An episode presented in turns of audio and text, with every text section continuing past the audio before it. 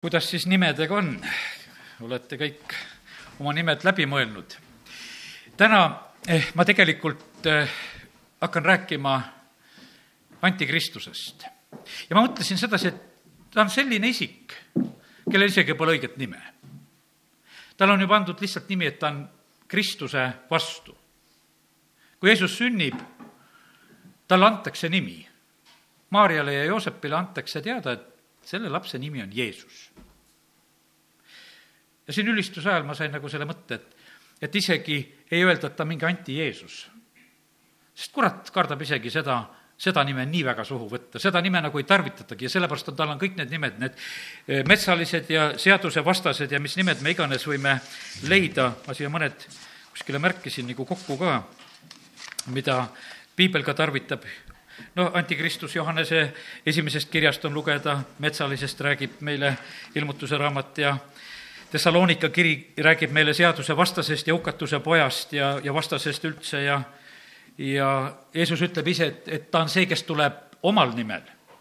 Selle, selle te võtate vastu, mind te ei võtnud vastu, aga ta tuleb omal nimel ja, ja selle te võtate vastu. milline saab olema antikristuse nimi? ma mõtlen sellise kodaniku nimena, me ei tea seda sest seda ei ole nagu kuskil ilmutatud, aga tal on ka üks kodaniku nimi, sest ta tuleb inimeste hulgast, talle pannakse üks nimi. ja, aga need teised nimed, millest äh, piibel meile räägib, need tegelikult kõik äh, eksitavad äh, inimesi, sellepärast et nad on nagu teatud mõttes sellised noh, mingid meelitused tegelikult, mis on ka tegelikult antikristuse kaudu. Ja sellepärast ma tulengi nüüd kõigepealt mõnede selliste piiblisalmide juurde ja kuidas ma seda teeks? loeme teise Thessalonika kirja, siis me võib-olla nagu mõistame seda teemat natukene, kui me selle juures oleme, teise Thessalonika kirja teist peatükki. Ja kus Apostel Paulus eh, tõmbab nagu selle teema ülesse ja ta tõmbab samamoodi selle teema ülesse sellepärast, et eh, selles on juba teatud küsimus üleval. Ja loeme siit need esimesed kaksteist salmi me palume aga teid, vennad, meie issanda Jeesuse Kristuse tulemise pärast, siis kui meid kogutakse tema juurde, et ei laseks end nii ruttu ajada segadusse ja heidutada ei vaimu ega sõna ega kirja läbi, mis nagu pärineks meilt, otse kui issanda päev oleks juba käes. ärgu ükski teid mingil kombel petku, sest see ei juhtu enne, kui on tulnud ära taganemine ja on ilmunud seadusevastane inimene, hukatuse poeg, kes paneb vastu ja tõstab enese üle kõige, mida nimetatakse jumalaks või jumalateenistuseks. nii et ta istub Jumala templisse, lastes end paista Jumalana. kas te ei mäleta, et ma ütlesin seda teile, kui ma veel teie juures olin? ja nüüd te teate, mis teda takistab, nii et ta saab ilmuda alles omal ajal vägivalla saladus on juba toimimas, ainult vahelt peab ära kaduma see, kes teda siin takistab. alles siis ilmub seadusevastane, kellele issand Jeesus kelle issand Jeesus Kristus hukkab oma suu ingusega ja kelle ta kõrvaldab oma avalikuks saamisega, kui ta tuleb. seadusevastase tulemine sünnib saatana mõjul igasuguste vägevate tegude ja tunnustähtedega ja valeimedega ja igasuguse ülekohtu pettusega neile, kes hukkuvad, sellepärast et nad ei võtnud vastu tõe armastust, et nad oleksid pääsenud. ja seepärast saadabki Jumal neile eksitava jõu, et nad hakkaksid uskuma valet. ja nii nad saavad kohtualuseks kõik, kes ei ole uskunud tõde, vaid kellele on meeldinud ülekohus. aamen. siin oli jutt igasugustest võimsatest asjadest, millega see eksitus tuleb. kui me praegu laulsime seda, et tuli langegu, siis me võime lugeda sedasi, et, et neid valeimetegusid, et tuli tuleb taevast alla ka, neid asju just tehakse ka, et eksitada. ja sellepärast on see teema, kui me täna selle juures oleme, on kindlasti väga oluline ja tähtis, et me oleksime nagu ette valmistatud. Äh, Mattiuse evangeeliumi kahekümne neljas peatükk räägib ka nendest asjadest ja ma kõigepealt viitan siin neljandale salmile ja viiendale salmile ja Jeesus vastas neile, vaadake, et keegi teid ei eksitaks sest paljud tulevad minu nime all, öeldes mina olen Kristus ja eksitavad paljusid. ma usun siin, usun seda, et meie, kes me oleme täna siin, et meid ei eksita võib-olla see Siberis olev Jeesus. Et tal on pikad juuksed, et ta mäe otsas peab kõnet ja ta ütleb, et ta on Kristus ja selliseid Kristusi nagu tõuseb, aga eh, teatud tuhanded on ka selliste Kristuste kaudu eksitatud sest nad lähevad sinna ja kuuled nende inimeste tunnistusi, kui nad räägivad, oi, milline imeline kogu, kogemus, võtsime seal käest kinni ja palvetasime ja seisime ja mis ta rääkis ja ütles ja mis me kõik kogesime ja, ja sellepärast nii need asjad on. ja Jeesus hoiatab selle pärast, et, et tuleb neid asju. ja kiitus Jumalale, et Jumal üldse räägib asjadest ja, ja me võime arvestada sellega, et vaata, mis asju Jumal teeb. Nendest asjadest tema räägib jumal ei tee mingisuguseid üllatusi meile, ta teeb salaja, sõna ütleb väga selgelt, et ei, ta ei tee midagi ilmutamata oma nõu oma sulastele prohvetitele ja, ja sellepärast kiitus Jumalale selle eest. ta rääkis, et tema poeg sünnib siia sellesse maailma, seda kuulutati ette ja ta sündis ja, ja kõik need asjad läksid täide ja, ja kiitus Jumalale selle eest. aga me näeme, et millises tegelikult ootuses on eh, maailm tegelikult nende ega imeliste asjade koha pealt. sellepärast, et eh, rohkem kui varem me näeme praegusel hetkel, et kui palju on igasugust sellist üleloomulikku, mis inimesi köidavad, on erinevad need võistlused ja värgid on küll teleekraanides ja kohtades ja seda tehakse üle maailma, sellepärast et tegelikult inimesed janunevad üleloomuliku järgi. ja, ja sellega on neid üsna kerge ka ju eksitada. ja Paulus kirjutab. Ja nüüd tegelikult on nii, et võta Paulus või võta Peetrus või Johannes või Jeesus või me loeme kõikide poolt seda, et eh, me ei saaks eksitatud. Ja sellepärast ei ole see selline mingisugune eh, kõrvalteema, vaid et see on tegelikult väga, väga oluline ja tähtis hoiatus. Paulus kirjas kolosslastele teise peatüki kaheksandas salmis, kus ta ütleb, et vaadake, et keegi teid ei risuks tarkuse õpetuse ja tühja pettuse abil mis vastavad inimese, inimeste pärimusele, eh, maailma algainetele ja mitte Kristusele. Eh, seal on see ükskord Uues Testamendis tarvitatud sõna filosoofia, eh, see tarkusõpetus, et, et need filosoofiad, mis on siin selles maailmas, hiljuti meestele just rääkisime, et kui tugeva mõjuga on tegelikult, on filosoofiad, mis tegelikult inimesi haaravad ja nad on nende küüsis. aga sõna ütleb siin Pauluse kaudu, et ärgu olgu nii, et meid petetakse nende asjadega teise Thessalonika kaks kolm, sealt me juba lugesime, ma lihtsalt viitan korraks sellele veel. ärgu ükski teid mingil kombel petku. ärgu ükski mingil kombel teid petku, sellepärast et selles teemas on tegelikult, on, eh, tähendab nii palju pettust sees. ja sellepärast, aga jumal räägib oma sõnas, ta räägib oma poja tulekust, vaata, kui jumal midagi teeb, siis temal on niimoodi, et kõigepealt ta räägib selle asja välja, üldse need asjad saavadki tegelikult olema, mida ta räägib, ta ütleb, saagu valgus, saab valgus. ja, ja sellepärast, ja see on usuprintsiip, südames usud, suuga tunnistad, siis need asjad sünnivad. ja sellepärast on niimoodi, et me Jumal ei tee vaikides, vaid ta teeb asju, teeb rääkides. Jumal ütleb ja see saab ja sellepärast see maailm ja püsib praegusel hetkel täna täpselt nii, kui ta püsib selle tõttu, et jumal ei ole öelnud teist, et ärgu püsigu. kui ta ütleb sedasi, et ära enam püsi, siis ta ei püsi. ja sellepärast ta püsib sellesama sõna tõttu, eh, mida jumal on öelnud ja, ja see kestab ja püsib. aga pettus, eh, kust tuleb? kurat on valede isa ja pettus tuleb tegelikult tema suust. ja, ja vale on selline keeruline asi. ega vaata ise ka, kui, kui oleme olnud ise probleemis valedega ja, ja võib-olla oleme ise valetanud ja ma usun, et meil seda kogemust on, siis valega on üks raske lugu. seda ei oska kogu aeg ühtemoodi valetada ka. ja tavaliselt valega sa kukudki vahele sellega, et, et jutud lähevad lahku sest valetamine ei ole kerge asi, tõde on lihtne rääkida. kui sa räägid, et asi on nii, siis on nii. aga valetamisega on probleem. kui Jeesuse peale võetakse valetunnistusi kohtu ees, siis probleem ongi selles, et need jutud ei lähe kokku sest valejutud, kõik on segased. seal ei ole, sest et tõde puudub. ja, ja sellepärast on see nii, aga sellel on tegelikult tugev mõju ka valel siin selles maailmas. ja kuskohast see vale tuleb, ilmutuse kuusteist, kolmteist ütleb, et, et ja ma nägin, et lohe suust ja metsalise suust ja valeprohveti suust tuli välja eh, kolm rüvedat vaimu otse kui konnad. Nende suust tuleb samamoodi välja. ja, ja sellepärast ütleme, et eh, kui me nüüd eh, mõtleme täna sellele, et isa, poeg ja püha vaim, aga nii, samamoodi on tegelikult kurat ja, ja siis see metsaline või see antikristus, kes saab ka siin inimesena siin maa peal olema, aga samuti ka valeprohvet, ütleme, et, et kõik see on nagu paralleelis olemas, samamoodi need asjad on samamoodi ka saatanal, mida tema tahab teha. ja, ja sellepärast, aga sealt kõigi nende suust tuleb valet ja sellepärast me ei tohi nendes asjades olla petetud. ma nüüd viitan lihtsalt, et kus Paulus veel, näiteks neli, neljas peatükk Timoteoses, esimene Timoteoses neli üks, kus ta räägib samamoodi, et et vaim ütleb selge sõnaga, et tulevastel aegadel mõned taganevad usust ja hoiavad eksitajate vaimude ja kurjade vaimude õpetuse poole. eksitajatel vaimudel ja ja kurjadel vaimudel on õpetused ja kui neid õpetatakse, siis mõned hakkavad selle poole hoidma. teise Peetruse kaks üks hoiatus eksiõpetajate ees samamoodi. aga rahva seas oli ka valeprohveteid, nõnda nagu teiegi sekka tuleb valeõpetajaid, kes vargsi toovad sisse hukatavaid eksiõpetusi ja salgavad ära issanda, kes nad vabaks on ostnud. Nad tõmbavad iseeneste peale äkilise hukatuse, nii hoiatab Peetrus. ja Johannese, esimese Johannese kirja neljanda peatüki esimene salm, kus on räägitud õigest ja valest vaimust. armsad, ärge usaldage iga vaimu, vaid katsuge vaimud läbi kas nad on jumalast, sest palju valeprohvetid on läin-, läinud välja maailma. ja Mattiuse kakskümmend neli, kakskümmend neli, selline salm on mul ka siin veel, mida loen, sest tõuseb valemessiaid ja valeprohveteid ja need pakuvad suur, suuri tunnustähti, imesid, et kui võimalik, eksitada ka valituid. pane tähele, et valituga on selline lugu, et kui on võimalik eksitada, siis eksitame ära.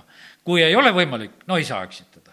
ja sellepärast on kallid, me peame olema tões kindlad, siis ei ole meid võimalik eksitada ja sellepärast on see nii, et täna ka oleme selle igatsusega Jumala ees, et, et Jumal, me tahame tõde teada ja me ei taha olla eksitatud ka nendes aegades, kus me oleme praegusel hetkel elamas, et ei mingisugused tunnustähed ja asjad, kui ka tehakse imetegusid ja tuled langevad ja, ja et see meid mitte sugugi ei, ei segaks ega ei ole, et me ei oleks petetud. me peame vaimus tegelikult asju ära tundma. ja sellepärast Jumal on andnud meile ka selle vaimuanniga kogudusele, et, et see vaimude eristamine. ja, ja tegelikult on nii, et me peame seda usaldama, sest et kui vaimude eristuse and töötab ja annab märku sedasi, et see ei ole korras asi, see võib tunduda väljast kõik nii korras ja ilus. ja sellepärast, et teate, ega kurat ei tule sedasi sarvedega. tema tuleb valgusinglina, ta tuleb suure heategijana.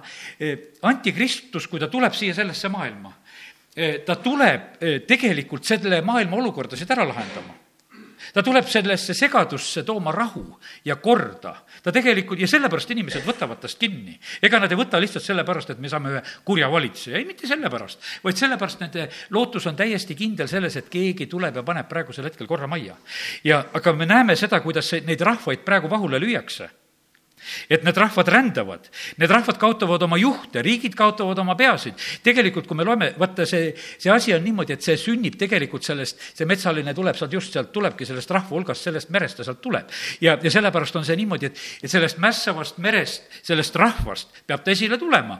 ja, ja praegusel hetkel on, jälle ütlevad, et näiteks Liibüagi, no Gaddafi võeti juba ammu maha, aga praegu jälle öeldakse, et see on jälle nii ettemääramatu rahvas, mis on.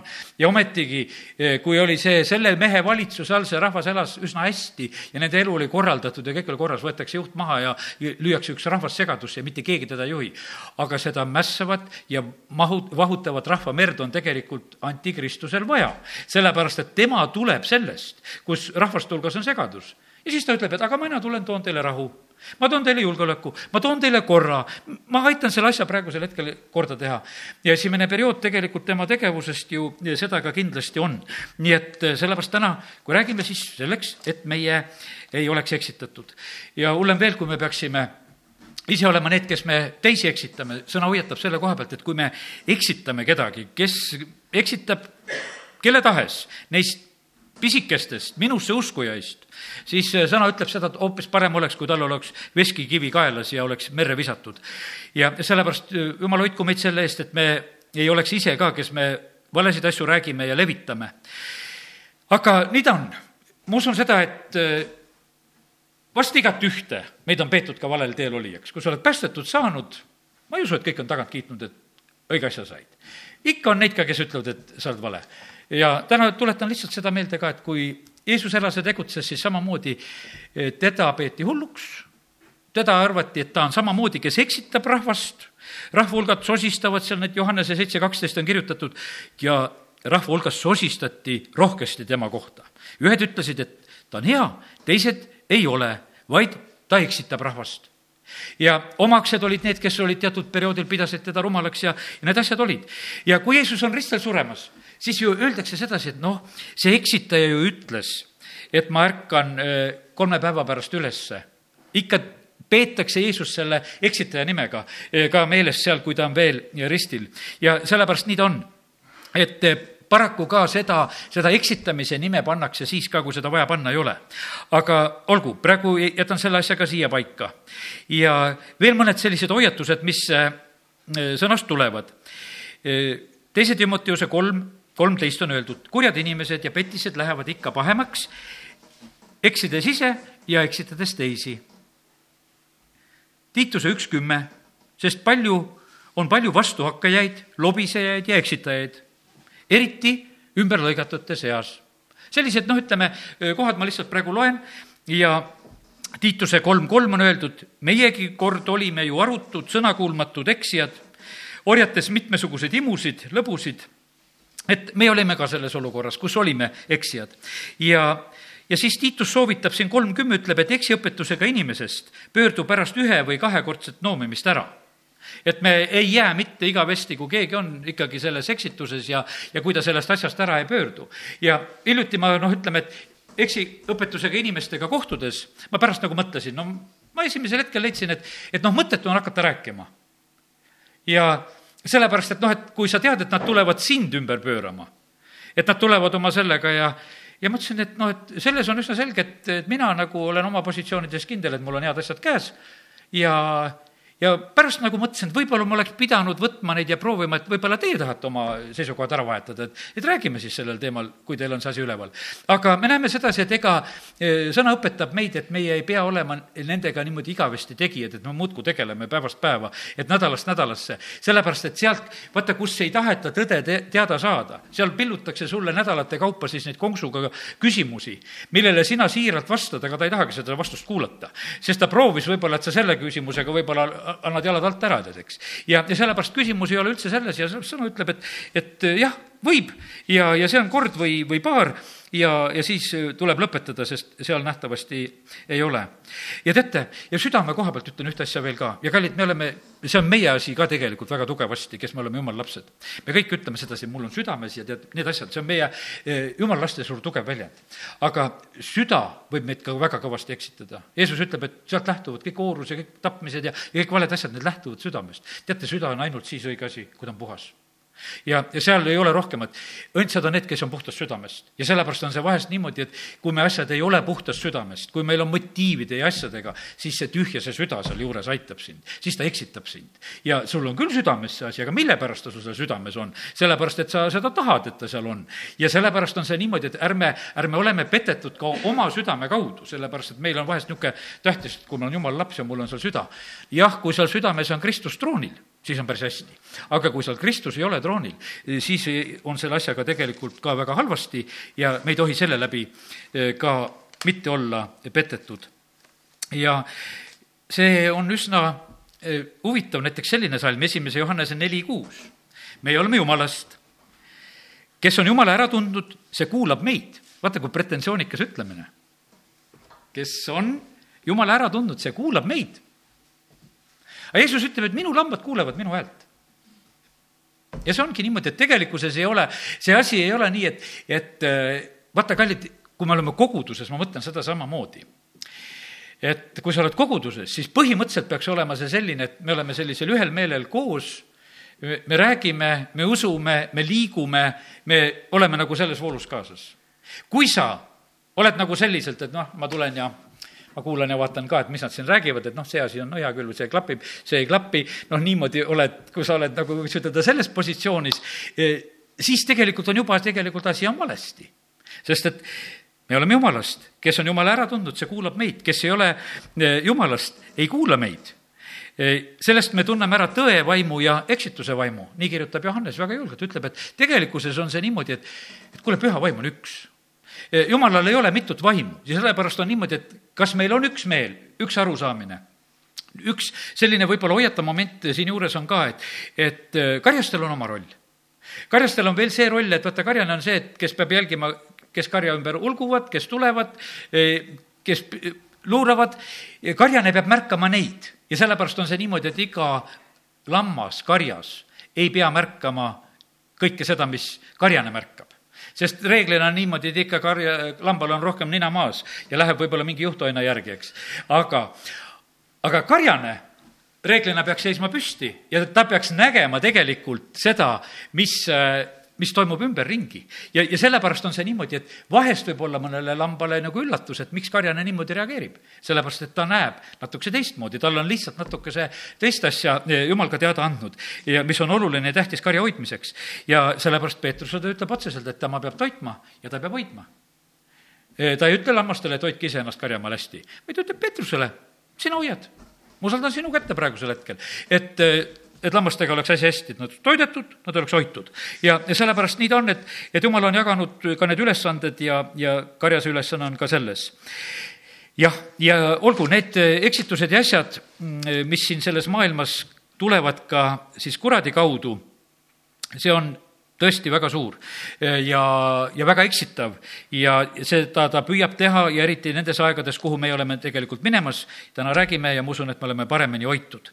aga ühel päeval tuleb selle lõpp lugesime seda samamoodi siit Thessalonika kirjast, et, et Jeesus oma suuhingusega teeb lõpu, ilmutuse raamatust me võime lugeda, ilmutus üheksateist kakskümmend, metsaline võeti vangi ja koos temaga valeprohvet, kes tema ees oli teinud tunnustähti, millega ta eksitas neid, kes olid võtnud endale metsalise märgi ja kummardanud tema kuju. Need mõlemad visati elusalt tulejärve, mis põleb väävlis ja ilmutuse kakskümmend kümme ütleb, ja kurat, need eksitaja visatakse tule ja väävli järg, järve, kus on ka metsaline ja valeprohvet ja neid piinatakse päevad ja ööd igavesest ajast siis igavesti. nii et äh, põhimõtteliselt me näeme seda, et äh, need asjad ka sünnivad.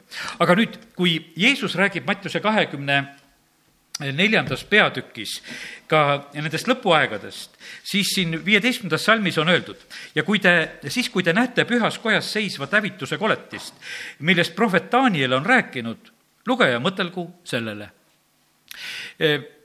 Meil, meie koguduses on rohkem olnud niimoodi, et me Taanili raamatust, mis lugusid me teame?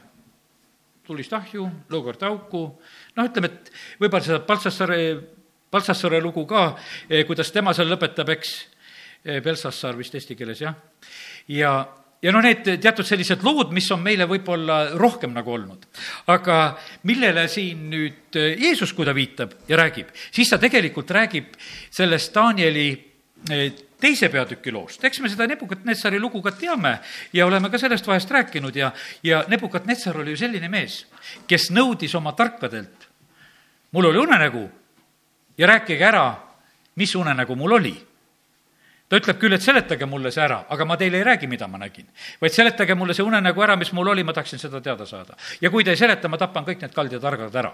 ja kogu lugu ja, ja Daniel oli samamoodi ohus. ja palve seal aitas ja siin on nüüd teise peatüki, Danieli raamatu teise peatüki üheksateist salm öeldud seda, et siis ilmutati Taanilile see öine nägemus, öises nägemuses ja ja siis ta sai minna tegelikult kuningale seda rääkima, mis seal oli. ja, ja mis seal oli? ma usun, et me kõik oleme seda eh, nagu kuulnud ka, et seal oli üks kuju, kellel oli kullast pea, hõbedane rind, vasest kõht ja, ja rauast ja savist jalad. natukese rohkem oli neid detaile, aga ma panen niimoodi lühemalt.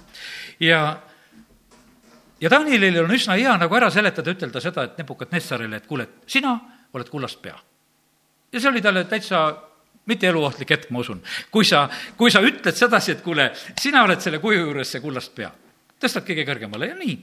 aga ütles, et jumal on tahtnud tegelikult sulle ilmutada neid asju, mis on tulevikus.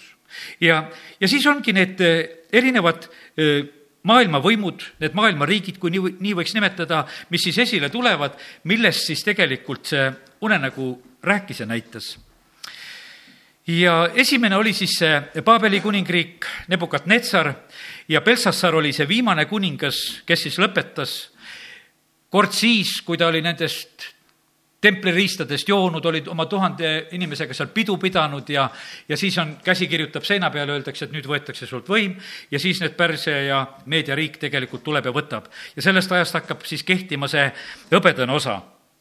ja, ja see hõbedane osa on tegelikult selline, seal on koores ja Pärsia kuningas ja, ja tegelikult on need kuningad sellised erinevad. koorese ajal ju tegelikult antakse võimalus, et juutidele, et minge Jeruusalemma tagasi ja, ja ehitage omad asjad korda, tehke müür korda ja taastage jumalakoda ja, ja tehke neid asju. ja sellepärast eh, koorese eh, poolt tuleb see käsk sest teise ajaraamatu kolmkümmend kuus, kakskümmend kolm on öeldud, nõnda ütleb Koores Pärsia kuningas, issand taevaste jumal on andnud mulle kõik kuningriigid maa peal.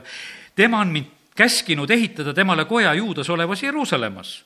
kes iganes teie hulgas on tema rahvast, eh, sellega olgu issand, tema jumal ja see võib minna ja sellepärast jumal tarvitas neid pagana kuningaid ka. ja siis oli, ütleme, see periood. pärast seda tegelikult tuleb, nii ajaloos, kes tuleb ja kes siis on selleks vaskseks kõhuks, on Kreeka riik ja Aleksander Suur. Aleksander Suur tegelikult teeb väga suure vallutuse ja Tsingis khan sai võib-olla suurema territooriumi veel kui Aleksander Suur üldse ajaloo vältel ja Aleksander Suur, kui ta sureb, siis pärast seda eh, tema neli poega jagavad selle riigi nagu neljaks osaks ja, ja selliselt läheb nagu siis see eh, vaskne aeg. ja see kestab sealt siis aastast kuskil eh, kolmsada kolmkümmend kolm kuni kolmkümmend üks aasta enne Kristust, kui kui Rooma riik võtab siis Aleksander Suure riigist ära selle viimase osa ja tuleb siis see Rooma aeg. ja siis tuleb see, see viimane pilt mis seal siis oli, selles pildis oli siis need raudsed jalad ja, ja ja siis savijalad, mis olid segamini, nagu see, see aeg jõudis kätte. seitsmendas peatükis tegelikult on sellesama asja kohta ka veel teine pilt ja seal on need lõvi, karu, panter ja metsaline, kellel on siis neljandaks, kellel on kümme sarve. ja need, ütleme, põhimõtteliselt lähevad nagu kokku siis nii selle lõvi läheb Paabeliga, karu läheb selle Pärsiaga, panter eh, Kreekaga ja, ja siis kümne sarvega metsaline läheb Rooma riigiga kokku ja ilmutuse raamatust, kui me loeme, siis samamoodi me loeme neid samu, samu pilte ja asju, saab ka sealt lugeda. aga ma praegu lihtsalt andsin nagu selle, sellise pildi praegu selle koha pealt. kallid, me Jumal on ajal, ajaloo Jumal. ta loob selle maailma, saab algus. ja jumal on ka lõpujumal ühel päeval ta selle lõpetab ja sellepärast inimesed räägivad sellest maailma lõpust ja asjast ja, ja täiesti valesti tegelikult sellest asjast räägivad. sellepärast, et see ei ole sellisel moel maailma lõpp, mida inimesed räägivad vahest nende selliste katastroofide ja asjadega. siin tegelikult sünnivad paljud asjad. ja üks asi, millest me täna juba viitasime, et väga oluline asi, mis siin sünnib, on see, et on antikristuse tulek. Ja teate, siin maailmas on olemas, ma mõtlen juutide näol Need inimesed, kes täiesti siiralt ootavad Jeesust, Jeesuse esimest tulekut ja lihasse tulekut. Nad ootavad seda. juutidel on ka see usk, et nad usuvad sedasi, et, et noh, see saab toimuma siis, kui maa peal on selline ühtsus ja rahu ja, ja et see tuleb nagu siis ja, ja, ja nendel on täiesti omad arusaamad. messiaanlikke juute on suhteliselt vähe tegelikult maailmas. kiitus Jumalale nende messiaanlike juutide eest. Nad on väga suureks õnnistuseks ja abiks meile, kes on saanud päästetud. juudid, kes on saanud kristlaseks, nad oskavad nii hästi sõna seletada, nad on nii suureks õnnistuseks, nad on väga head. aga paljude jaoks on see pimedus, on see kate, nad ei tea ja nad ootavad messiat. ja ja, see, see Messias, see antikristus, keda, kelle nad siis vastu võtavad, no see peab olema nendele igati meeldiv. no seal on mitmed tingimused kohe tulevad ju mängu. ta peab olema juut, ta peab olema Taaveti soost, ta peab olema sealt juuda suguharust, ütleme, kui need asjad, kui noh, ütleme, et kui antikristus ei valeta, et ta sellest on, eks. sellepärast, kui me räägime sellest valest, siis valetaja võib alati valetada. aga põhimõtteliselt nende jaoks peab olema see nagu sedapidi usutav, et see nii on, et see nendele sobib. sest me lugesime, kuidas Paulus kirjutab Thessalonika kirjas, et, et ta häbistub templisse ja ja ta paneb ennast jumalana seal kehtima. ja alguses on seal see kolm pool aastat see jumalateenistuse aeg, kus ka templiteenistus taastatakse. ja, ja sellepärast seda tegelikult Iisrael võtab üsna tõsiselt Nendel on nüüd terve templi instituut kui sa lööd sisse. Nad on tegelemas tegelikult templi taastamisega, ma täna korraks vaatasin neid pilte, kuidas need müürid, kuidas need seaduselaekad, kõik need asjad, et, et kõik need asjad tegelikult nagu taastada ja teha, see kujundus ja see asi. Ja, ja sellepärast eh, see on selline väga tõsine teema, mis tegelikult eh, on siin selles maailmas esile tulemas. ja Jeesus ütleb, et need asjad lihtsalt tulevad ühel päeval ja ta ütleb juutidele seal ise Jeruusalemmas olles, et aga tema te võtate vastu, kes tuleb oma nimel. teda te võtate, mind te ei võta vastu, minu te lükkate ära ja tema te võtate. ja nüüd meie oleme siin need, kes me oleme Jeesuse vastu võtnud, Jeesuse esimese tuleku, meie peame olema need, kes me teeme eh, juudid kadedaks, et meil on eh, Messias olemas ja et meil on nii hästi, et me oleme saanud tegelikult selle õnnistuse kõik kätte ja, ja sellepärast on see nii eh, väga suur ülesanne, mis on ka meie käes. aga, see vale Kristus, see antimessias, see tahab samamoodi esile tulla. Ja need ettevalmistused käivad samamoodi. Ja, ja nüüd äh, ma lugesin tänase sellise noh, sõnumi valmistamise juures siin ka seda ühte raamatut, et, et mis saab selle maailmaga ja see on Joakim Langhammer, kes selle raamatu on kirjutanud. Ja tegelikult ta tegeleb selle, selles raamatus eelkõige päästeplaaniga, et päästeplaan, mis on jumalale inimeste jaoks. aga siis ta seletab lahti kõik seal, ütleme, paganate rea, juutide rea, koguduse rea ja kõik siis, ütleme, need jumala kolm olemust ja, ja kõik neid erinevaid teemasid käsitleb ja räägib nendest. ja üks nendest on siis ka, keda ta käsitleb, on ka antikristus. ja, ja see on selline viimane metsik valitseja, kes siin selles maailmas tegelikult esile tuleb, kes tuleb alguses väga pehmelt võiks ütelda sellise suure lootuse eh, ka rahva jaoks andes, seda suurt lootust andes, et asi läheb väga heaks, aga tegelikult eh, asi läheb väga metsikuks. ja sõna räägib, et see on väga, väga metsik aeg, mis tuleb siis ja ja see antikristus ei kuku kuskilt noh, niimoodi ei tea kuskohast, vaid see tuleb just sellest vahutavast rahvamerest, nii nagu ma eh, täna rääkisin, ta tuleb siit, tuleb inimeste keskelt. Eh, millal ta esile tuleb? teate, olin Vene sõjaväes, kas paned viisnurgaga mütsi pähe või paned, kuule, et metsalise märgi võtad otsa ette, sest osad nagu kahtlesid selles, no enam ei räägita sellest. siis tuli Gorbatšov võimule, vaadati, et kuule, tal on näo peal mingi plekk, et, et kuule, et kas nüüd tuli antikristus esile või kus kohas tal see täpselt oli, eks. ja, ja noh, nii et, et no kristlased läbi aegade tegelikult on otsinud nagu seda, et kus see on. juutide koha pealt saab seda ütelda, seda, et juudid on kõrgetel kohtadel olnud siin selles maailmas kiiresti. ja, ja ütleme, et need, kes siin neid maailma suuri pöördeid on teinud, paljudki on olnud sellest rahva hulgast ja sellepärast ei ole mitte mingisugune ime, et antikristus tõuseb täpselt sellest samast kohast. kui Napoleon annab kolmekümneks, neljakümneks aastaks juutidele hingamise siis tegelikult juusid selle kolmekümne nelja aastaga, kolmekümne, neljakümne aastaga nad tõusevad tegelikult kõrgele.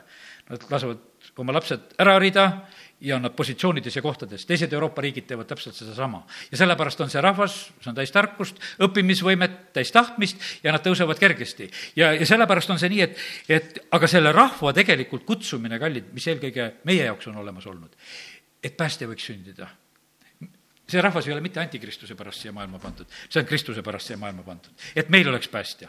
ja, ja see, ja sellepärast meie oleme juba selle, selle kätte saanud. nüüd meie ootame seda, et, et Jeesus tuleb teinekord ja me täna ei jõua sellest palju rääkida, aga kahjuks on see nii, et see rahvas on praegusel hetkel veel ootamas just seda, seda üliinimest, kes toob rahu, kes teeb imesid, kes lahendab nälja ja kaose ja kõik need asjad. ja, ja see maailm üldiselt hakkab seda asja ootama ja, ja nõnda see on ja ilmutuse kolmteist üks, ma loen siit mõned salmid ilmutuse raamatu kohta ka ja kaks. ma nägin merest tulevat metsalist, üles tulevat metsalist, kellel oli seitse pead ja kümme sarve ning sarvede peal kümme peaehet ning nende peade peal olid jumala teotuse nimed. ja metsaline, keda ma nägin, oli pantri sarnane ning ta jalad olid otse kui karul ning ta suu oli nagu lõvisuu. lohe andis temale oma väe ja oma trooni ja suure meelevalla nii et nii me näeme seda samamoodi, et, et kuidas see metsaline eh, tuleb. salm kuuskümmend viis kaheksa ütleb, eh, see räägib nagu rahvaste kohta, ma toon selle merepildi ja rahvapildi kohale, kes vaigistad mere kohisemise, lainete mühina ja rahvaste möllu. ja sellepärast on see niimoodi, et kui üks rahvas on ka koos, siis see võib olla nagu üks merekohin tegelikult kui rahvaste pealt see saab seda täpselt olla, aga see rahvas selles paanikas ja kõiges, mis siin selles maailmas on, eh, siis ta paistab just ka üsna merena välja. Eh, Jesaja seitseteist kaksteist on öeldud, häda, paljude rahvaste möll, need mühavad otse kui mühaks meri. rahvahõimude märatsus, need kohavad otse kui kohaksid võimsad veed ja järgmine salm kolmteist ütleb, rahvahõimud kohavad otse kui kohaks, kohaksid kõik suured veed tema, aga tema sõitleb neid ja nad põgenevad kaugele ning neid aetakse taga, otse kui tuul puhub mägedel aganaid, otse kui torm keerutab tolmu. ja nii see on. ja mis aeg meil praegusel hetkel on? meil on, ütleme reeglina, mida me saame nimetada, et meil on noh, koguduse aeg, aga meil on ka paganate aeg. Jeruusalemm on antud pagana rahvaste tallata ja, ja see aeg veel kehtib ja, ja see aeg on veel olemas, on selline aeg. kui Jeesus sünnib siia sellesse maailma, siis kurat on kiiresti oma pakkumisega, ütleb, et kuule, kummardu mu ette ja ma annan su kätte kõik, need kuningriigid ja kõik selle hiilguse, kõik meelevalla nende üle, sest see on minu kätte antud ja mina võin anda sellele, keda, kellele ma iganes seda tahan, ta on selle pakkumisega tema ees. Jeesus muidugi tema pakkumist vastu ei võta, aga Jeruusalemm on paganate rahvaste tallata nii kaua, kui paganate ajad saavad täis. paganate ajad ei ole veel täis saanud. see paganate täisarv, millest eh, ka siis eh, Rooma kirjas Apostel Paulus kirjutab, ta räägib sellest, et, et tuleb see päev, kus on see arv täis ja, ja siis on meie ajad lõppenud. meie, meie jaoks võiks ütelda, et on pulmasaalis nagu see kohtade arv, eh, mis on pagana rahvaste jaoks. me veel kuulutame usus ja et inimesed tulevad päästmisele, veel võetakse seda lõikust sisse ja, ja veel ei ole meie kohad nagu lõpuni täis saanud. ja, ja sellepärast kiitus Jumalale, et me võime veel kuulutada ja, ja rääkida aga ma tulen nüüd jälle ikka nagu tagasi ka selle antikristuse juurde, kui ütlesin, et täna püüan ka sellest natukese rääkida. E, teate, mis asja luuakse? luuakse poliitilist, majanduslikku ja religioosset ühtsust. poliitilise ühtsuse loomine käib siin selles maailmas, me näeme sedasi, et kuidas püütakse kui vanasti tehti kolooniaid võib-olla sõjaga alistades, siis praegusel hetkel tehakse seda poliitiliselt kuidagi meelitades ja tõmmates ja, ja nendesse liitudesse sisse saades. E, majanduslik ühtsus, e, mis siin selles maailmas on, noh, see pannakse nagu ühtsesse katlasse. tegelikkuses on see natukese naljakas mõelda, et, et meie põllumehed, meie karjakasvatajad ja, ja, ja, ja ütleme, piimakarjakasvatajad ja peavad praegu enda eest seisma, et, et me saaksime omal maal toitu toota nii palju, et, et me kataksime oma vajadused. meie tootmine on jäänud alla meie oma vajaduste ja, ja nad on mures ja nad on tegelikult probleemides. aga see on tegelikult see selline noh, ütleme see majanduslik ühtsus see majanduslik ühtsus. hiljuti kuulsin siin ühte Ukraina pastorit, ütles, et kuidas, kuidas Stalin võttis Ukraina rahva ära. siis näljaga. ta ei tulnud relvaga, ta võttis näljaga, võttis toidu ära ja kõik ja võttis näljaga selle rahva ära. ütles, kolmekümne kolmas aasta, et lihtsalt me inimesed surid. ja, ja sellepärast on see niimoodi, aga see majanduslik ühtsus loob selle hoova kui sul enam endal ei ole, siis ta loob selle nagu selle hoova, et, et kõik rahvad on nagu selles ühises katlas, et kas annad või ei anna. ja, ja see kõik on nagu sinu käes. ja, ja religiooni ühtsus, me näeme seda, et seda samamoodi nagu lükatakse hooga tagant ja, ja need erinevad religioonid ka, mis, mis jumalad iganes nad kummardavad, ka neid tegelikult eh, püütakse ühte patta panna. ja pane tähele keda sinna hulka ei võeta? Jeesus sinna hulka ei võeta, selles religioosses ühtsuses. sinna võetakse, ütleme, selline eh, religioosne kristlus võetakse sinna, aga Jeesus sinna ei võeta sellepärast, et vaata, inimese poeg on selline, keda ei taheta. kui me loeme jumala sõnast, siis tegelikult teda, teda lükatakse ära ja, ja teda salatakse. proovi sa minna kooli, et ütelda, et ma tahan siin lastega palvetada ja et nad saaksid päästetud ja juhatada selle juurde, kes Jeesus on, milleks ta tuli. siis seda ei ole vaja, sest Jeesust ei ole vaja. aga me võiksime mingitest kirikutest rääkida. see oleks okei okay,, tead, eks. aga mida rääkida sellest kirikust? mingisuguse maja ajaloost või asjast ja keda see aitab. ja sellepärast me peame rääkima tegelikult e, inimestele Jeesusest ja, ja selles ühtsuses tegelikult selle, ütleme sellise võrdõiguslikkuse sildi all, millega kurat siin selles maailmas veib, ta tegelikult lükkab alati Kristuse välja. ta ei võta teda ka sinna sisse ja noh, ja põhimõtteliselt ta teeb õieti, sest me Kristus ei olegi temaga võrdne ta on troonil, ta on kuningate kuningas, ta on isandate isand ja sellepärast mul on alati, kui ma sedapidi mõtlen, mul tuleb rõõmus tunne peale. mina kuulutan kõige kõrgemat Jumalat. ja ta ei olegi nende teistega võrdne ja see on täitsa arusaadav, et te teda ei võta vastu, sellepärast et ta on nii kõrgelt üle teistest ja ta ei sobigi nende hulka, sest ta on üle nendest. ja aga paraku see on nii, need, kes räägivad seda, nad ei pea meid võrdseks ja nad ei võta meid sinna hulka ja sellepärast, aga see meid ei kurvasta, sellepärast et meie jumal on üle. aga me peame nendes asjades ise lihtsalt olema väga kindlad ja ei pea ka häbenema seda, et meid selle tõttu lükatakse nagu kõrvale, lükatakse ka nurka. sellepärast, et öeldakse, et meil on südamed kitsad ja me ei armasta ja meil on armastust vähe. aga meil on see Jumal, kes on armastus ja meil ei ole armastuse puudujääki. ja sellepärast ja püha vaimu läbi on meil armastus südamesse valatud ja, ja sellepärast ei ole mingit kahtlust ära lase kunagi, et, et sul on midagi valesti. ja need eksiõpetused, kes tulevad ja räägivad, et sul ei ole seda, need lihtsalt tõrjume kõrvale ja need valemessjad, valeprohvetid pakuvad siis suuri imesid ja tunnustähti, et võimalik, kui ka siis eksitada ka valituid.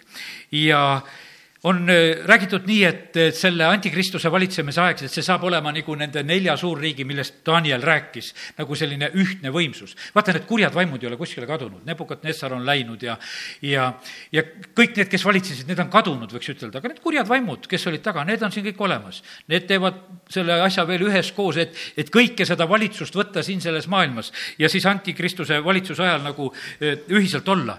Eh, kui seda territooriumi nagu vaadata, siis need riigid, ütleme see Kreeka ja, ja kõik need suurimpeeriumid, millest oli siin juttu, need põhimõtteliselt jäävad kõik ümber eh, Iisraeli. Nad jäävad ümber Jeruusalemma ka, kui seda kaardi pealt kõike niimoodi vaadata. ja, ja kuhu tuleb eh, antikristus, ta tuleb ju Jeruusalemma, ta tuleb templisse. alguses ta lubab seal templiteenistuse taastada ja, ja siis, kui kolm pool aastat on see toimunud, siis see lõpetatakse ja, ja siis ta astub ise sinna esile ja siis tuleb see eh, kõige raskem ja keerulisem aeg nii juutide kui ka maailma rahvaste jaoks. nii et, et selliselt need asjad käivad. ja, ja see aeg, olen juba nüüd välja ütelnud sedasi, et põhimõtteliselt on see selline, et, et see on seitse aastat. kolm pool aastat nagu seda esimest pool perioodi ja teine periood siis ka veel. meie Jeesus tegutses ka kolm pool aastat.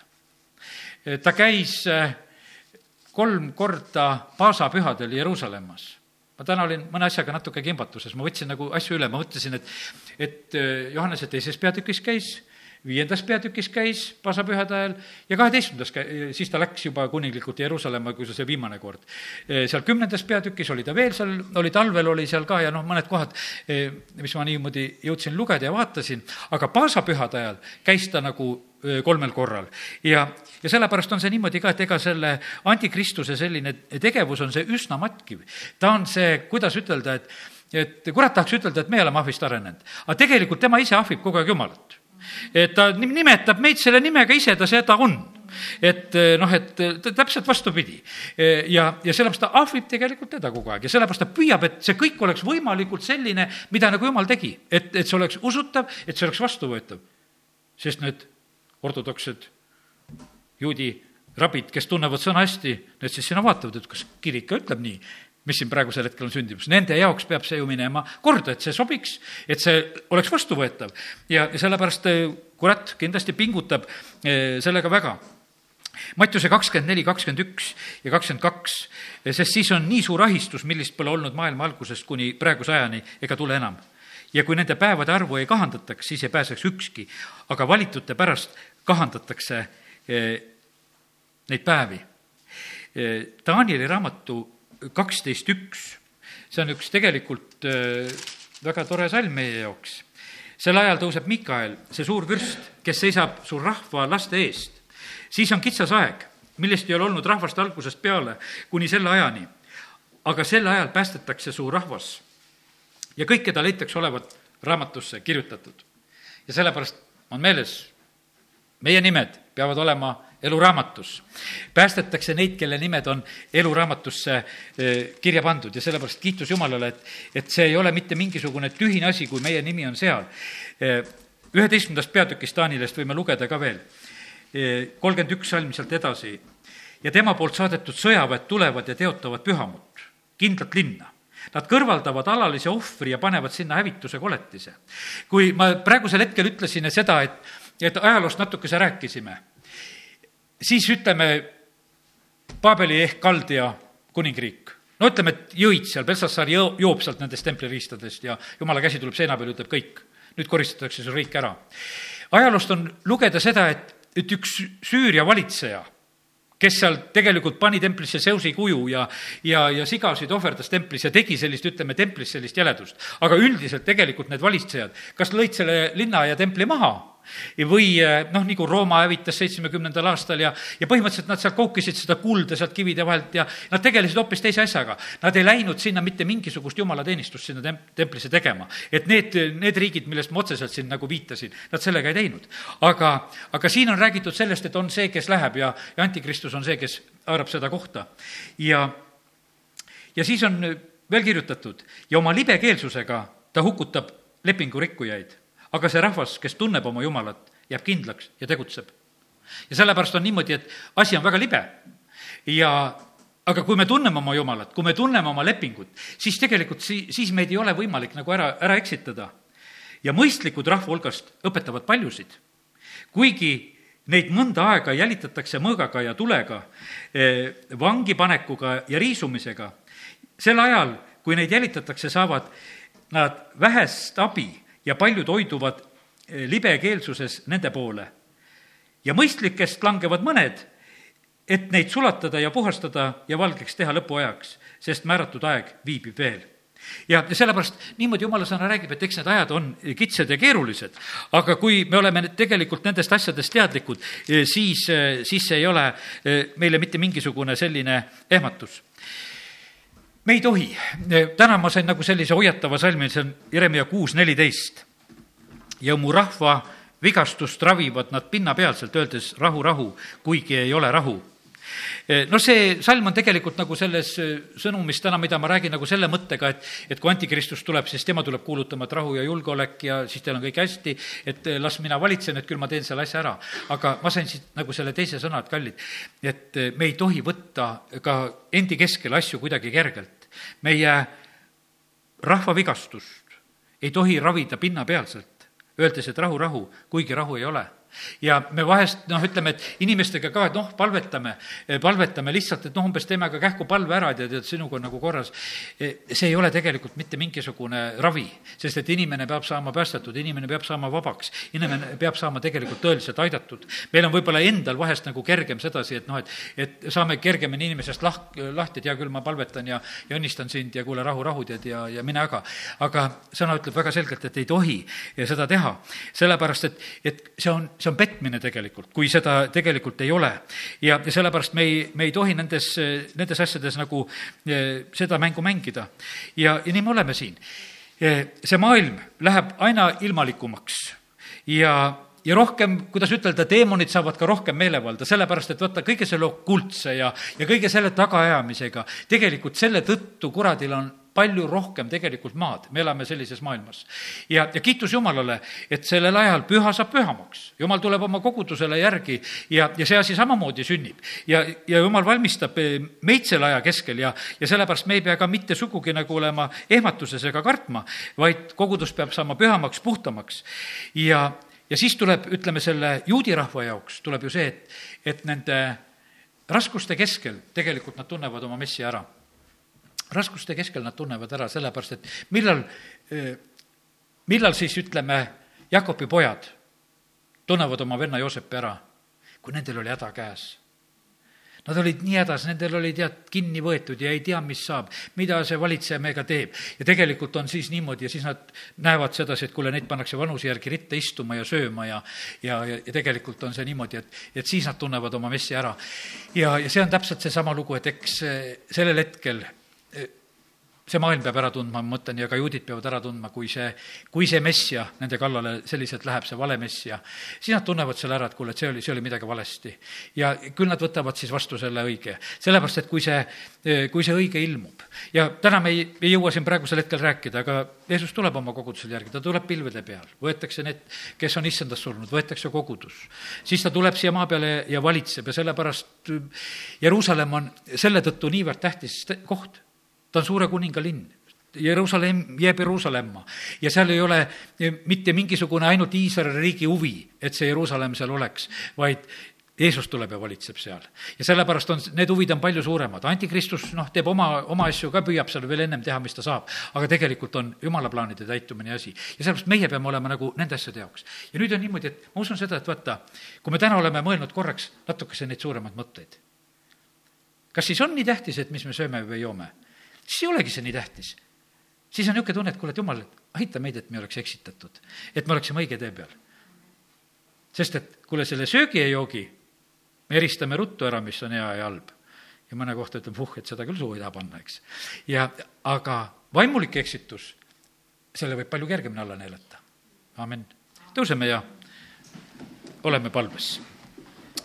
ja sa, taevas, me täname sind, et meie käes on täna selline ilus õhtu päike paistab, rahu on. Ja me täname sind, Jumal, et veel meie maal on armuaeg ja veel on see aeg, kus me tahame evangeeliumi kuulutada ja kus kuulutajad tulevad ja, ja me teeme ettevalmistusi ja palvetame selle pärast. ja me täname sind, Jumal, et, et on aeg, kus inimesed võivad oma südamed avada ja vastu võtta evangeeliumi. isa, me palume ka, et valgusta meie juhtide, valgusta meie rahva südamete silmi. Jumal, me palume seda, et evangeelium võiks väega nende juurde jõuda, et nad võiksid kogeda, et Jeesus, sina oled see päästja, sina oled see messia, sina oled see, keda tasub tundma õppida, kelle omaks tasub saada saada ja, ja kellele kuulub kõik valitsuse võim ja, ja kelle oma tuleb olla. jumal, me täname sind. me tahame paluda seda, et, et meile saaks tähtsaks igale ühele meil, et me nimi on taevas kirjas ja et seda sealt ära ei kustutataks, et me ei võtaks kuidagi kergelt oma jumala lapseks olemist. ja isa, et me ei võtaks ka kuidagi kergelt neid, neid vigasid, mis on, jumal, ka sinu rahval, et me neid ei raviks kuidagi kergesti, vaid et me ei lohutaks seal midagi, et rahu, rahu, kui seda ei ole. vaid jumal, me palume, et me võiksime väga tõsiselt asju võtta. me täname sind, Jumal, et sa oled täna selle sõna andnud. ja ma palun, kallis püha vaim, et tee sina meie juures seda tööd ja et me ei oleks eksitatud, et me eristaksime vaime, et me eristaksime õpetusi ja jumal, et me võiksime olla hoitud ja õnnistatud. isa, kiitus ja tänu ja, ja ülistus sulle ja tänu sulle, Jumal, et eh, võime siin jätkata veel üheskoos ka nende palvetega, millega varsti su ette tuleme. Jeesuse nimel, amin